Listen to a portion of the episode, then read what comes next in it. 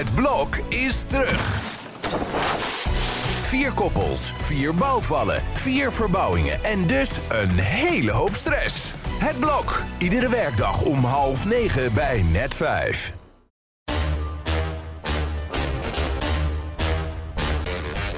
Dit is Strik Privé. De dagelijkse showbiz-update met Evert Zandgoeds en Hein Keizer. Het is dinsdag en uh, dat betekent dat uh, we bijna over de helft van de week zijn. Evert, jij zit uh, met... Zeg, ja, het weekend staat weer voor de deur. Nou, nou, ja, nou. Zo, kan je het ook, zo kan je het ook zien. Maar voorlopig hebben we nog wat Songfestival perikelen te beslechten. Het was gisteren natuurlijk wel het moment waarop AVRO Tros verantwoording af ging leggen. In ieder geval ging zeggen dat ze er nog steeds vertrouwen in hebben. En het idee hebben dat het goed gaat komen. Ja, daar is al ongelooflijk veel over gezegd. En ik denk helemaal niet dat het goed gaat komen. Want ja, dit is gewoon een foute keuze. En ja, in tijden dat uh, monarchieën het moeilijk hebben, daar gaan we het zo nog even over hebben. Over Ja. alle docus die onderweg zijn. Zo. En de perikelen aan het Engelse en het eh, Belgische Hof. Dan denk ik dat ook het koninkrijkje van eh Cornel Maas een beetje aan het wankelen is geslagen. Want ja, na de prestatie van vorig jaar en het jaar daarvoor met Jacques Macroy in de euforie van Duncan hebben we dat heel snel vergeven. Maar ja, dat was toch ook verschrikkelijk. Die werd ook één na laatste of zo. En eh, ja, het is, het, het, het is gewoon geen goede manier meer om dit machtsblokje van een eh, geheime commissie, die maar voor ons bepaalt waar we naar moeten luisteren en waar we mee naar, eh, door Europa trekken, dat dat daar op een gegeven moment toch tegen het licht gehouden wordt en dat er andere keuzes gemaakt gaan worden. Hoor ik hier een revolutie die in gang wordt gezet? ja, nee, maar ook als je dan op zondag, eh, als je ziet dat het twee weken op, op rij hartstikke misgaat met die twee, je verstopt en weigert commentaar te geven en te zeggen wat er aan de hand is en hoe dit heeft kunnen gebeuren, dat, dat komt je geloofwaardigheid niet ten goede. En dan mag je Songfestival-kenner eerste klas zijn, daar twijfelt niemand aan. Maar of nou deze commissie, met een Jan Smit ook, die carrière zelf op een doodspoor zit, de aangewezen persoon is om, eh, om, om de Nederlandse inzending te bepalen, daar kun je toch eh, zo langzamerhand wel over gaan twijfelen. Maar Evert, de kroonprins heeft van zich laten horen. Duncan Lawrence, die heeft een filmpje opgenomen. Die zegt, nou, ik ben ze intensief aan het begeleiden. Het komt goed. We zijn vandaag aan het repeteren met Mia en Dion. Het gaat supergoed. In de afgelopen weken zijn er een aantal dingen voorgevallen. Daar zijn we heel erg van op de hoogte. Ehm, we gaan ons uiterste best doen om alles op alles te zetten. Om dit allemaal in goede banen te leiden. En het blijft gewoon een intens traject waar ze in zitten. Ik weet als geen ander hoe zwaar het kan zijn. Maar ik heb zoveel vertrouwen in Dion en Mia. Het gaat helemaal goed komen dadelijk in Liverpool. En we hebben er ontzettend veel zin in. Ja, maar dat is helemaal niet waar. Die is hartstikke, dat is zelf een zenuwpees eerste klas. Die een optreden bij Bo moest laten schieten. omdat hij ineens een paniekaanval kreeg. Die een reserveopname moest laten instarten. omdat hij niet live kon optreden op die show die er was. in plaats van het Songfestival op een gegeven moment. Die kan dat ook helemaal niet. Bovendien moet hij zelf optreden. Daar heeft hij zijn handen vol aan, zoals we weten. Die heeft helemaal geen tijd om die mensen te begeleiden. Die is veel te druk met zichzelf. Evert, neem het niet allemaal iets te serieus. Het, is het, is toch, het moet toch gewoon leuk zijn? Ja, maar ja, je wilt toch als je meedoet, doe dan mee met het beste wat we hebben. Ja. En dat is zoals gezegd, Sommieu. Ik zeg het nog maar eventjes. en dat zijn niet deze Mia en eh, Dion. Nou, ik ben blij dat ze aan hun naamsbekendheid gewerkt hebben. Dat ze zelfs in het journaal eh, weten wie ze zijn.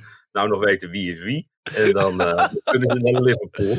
Ik hou me hard vast. Dion is met, die, eh, met het lange haar en Mia met het korte haar. Volgens mij is dat een goed ezelsbrugje. Eh, laten we het over eh, iets, iets leukers hebben, om het dan zomaar even te noemen. Koningsdag. Het wordt natuurlijk gevierd dit jaar in Rotterdam. En de eerste namen voor het Koningsdagconcert zijn bekendgemaakt. Dat is een soort van ja, de, de afsluiting van de dag. Davine Michel, Loes Luca, Gerard Cox. Maar ik mis zijn naam. Ja, Lee Towers. Ja. Ja, vind ik ook merkwaardig. We hebben alleen nog niet gesproken erover. Mhm. Ja, Mr. Rotterdam, notabene. En ik begrijp dat niet helemaal. Ik, ik denk niet dat Leen gaat zeggen dat hij daar heel teleurgesteld over is. Maar ik weet dat hij daar heel teleurgesteld over is. Ja. Natuurlijk, de koning komt eindelijk naar je stad. Mhm. En wordt toegezongen door een heleboel artiesten. En ja, daar hoor je dan bij te staan. En hij is voldoende hersteld om dat aan te zouden kunnen. En eh, ik vind het onbegrijpelijk dat ze hem hebben overgeslagen. Hey, en eh, de Wannabies, denk je dat die eh, misschien nog ergens een surprise act van eh, Goedemorgen, Goedemorgen, Goedemorgen Koninkrijk? Het zou de stemming wel te goed. De stemming zit er meteen in als zij Ja. daar eh, zouden staan bij die wandeling. Want ja, die is weer 2,5 kilometer, geloof ik. 2,5 kilometer met eh, selfies. En eh, ja, dat is Koningsdag tegenwoordig. Ik kan me er niet heel erg op verheugen nog. Het is voor het eerst weer in een grote stad. Denk je dat dat Ja. extra spannend is of valt dat wel mee voor deze koning? Nou, na zijn uitspraak over Ajax moet hij overal rekening mee houden natuurlijk. Dat was niet al te lekker getimed. Maar ja, ik, ik vind het in... Nou, in Maastricht was het vorig jaar. Hè? Dat is een hele grote stad, maar wel een heel gezellige stad. Ja. En uh, ja, ik denk dat het echt het grapje is geweest. Tien jaar koning, nou 0-10 en ja. laten we naar Rotterdam gaan. Nou ja, die Rotterdammers zullen wel uitpakken. En het ziet er uh, prachtig uit, die stad tegenwoordig.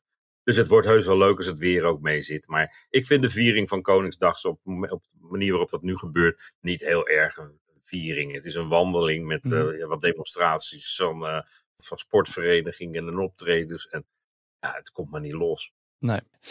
Een dag die ook leuk moet worden is natuurlijk de kroning van Prins Charles. Uh, en het is op wel opvallend, want het zwarte schaap uit die familie, Prins Andrew, er is een serie over gemaakt en die wordt, of een documentaire over gemaakt, The Problem Prince. En die wordt vlak voor die kroning, wordt die gereleased. Wat zit daarachter? Ja. Is, wat is het doel daarvan? Nou, ik denk om maximaal effect te sorteren. Ja. En uh, ja, het is niet heel erg attent, vind ik, van die zender om, om dat juist nu te doen. Ik bedoel, er is een jaar aan gewerkt en dan om dat dan aan de vooravond van die kroning te gaan doen, de Problem Prince. Laat dan uh, Charles even zijn moment pakken. En uh, heeft, er lang genoeg om meer dan 70 jaar ja, moeten wachten. Om dan weer met, met op die manier de party te poepen. Dat is, uh, vind ik niet zo handig. Maar ja, dat het een bijzonder verhaal is. En dat Andrew nog lang niet van alle ellende af is. Ondanks zijn schikking. Mm -hmm. Dat gaat deze docu wel, wel duidelijk maken. Ja, we kunnen ook nog even kijken naar het Belgische Koningshuis. Want daar is ook veel over te doen. Morgen, morgenavond is dat. Dan is er een docu over Prins Laurent. Het zwarte schaap van de familie. Van mm -hmm. wie zelfs gesuggereerd wordt dat hij een bastaardzoon is. Dat hij wel de zoon is oh. van koningin Paola. En niet van koning Albert. Er is ook van alles gedaan om te voorkomen dat hij op de troon zou komen, wetten aangepast. En ja, hij mocht absoluut nooit in aanmerking komen voor de troonsvervolging. Wat daarachter zit, dat gaat deze vierdelige docu volgens mij duidelijk maken. Ik heb één aflevering gezien en die is werkelijk, uh, ja, het, is onthutsend wat er met die jongen in jeugd gebeurd is. Ouders die totaal niet naar hem omkeken, totaal geen liefde gehad, opgevoed in, in pleeggezinnen waar die ook nog eens misbruikt is door de heer. Dus uh, ja, gaat dat zien, gaat dat zien. Elk huisje heeft zijn kruisje en bij paleizen is dat niet anders. Uh, dit zijn natuurlijk best wel kritische uh, docu's en veel, ja, toch wel leed komt er naar voren. Laten we het even over, ja, toch wat leuks hebben, want Helene Fischer binnenkort, nou binnenkort september in Nederland. In september is ja. ze in Gelderdoom. En ja, even een stukje Helene Fischer voor mensen die niet weten wat een oorworm zij produceert.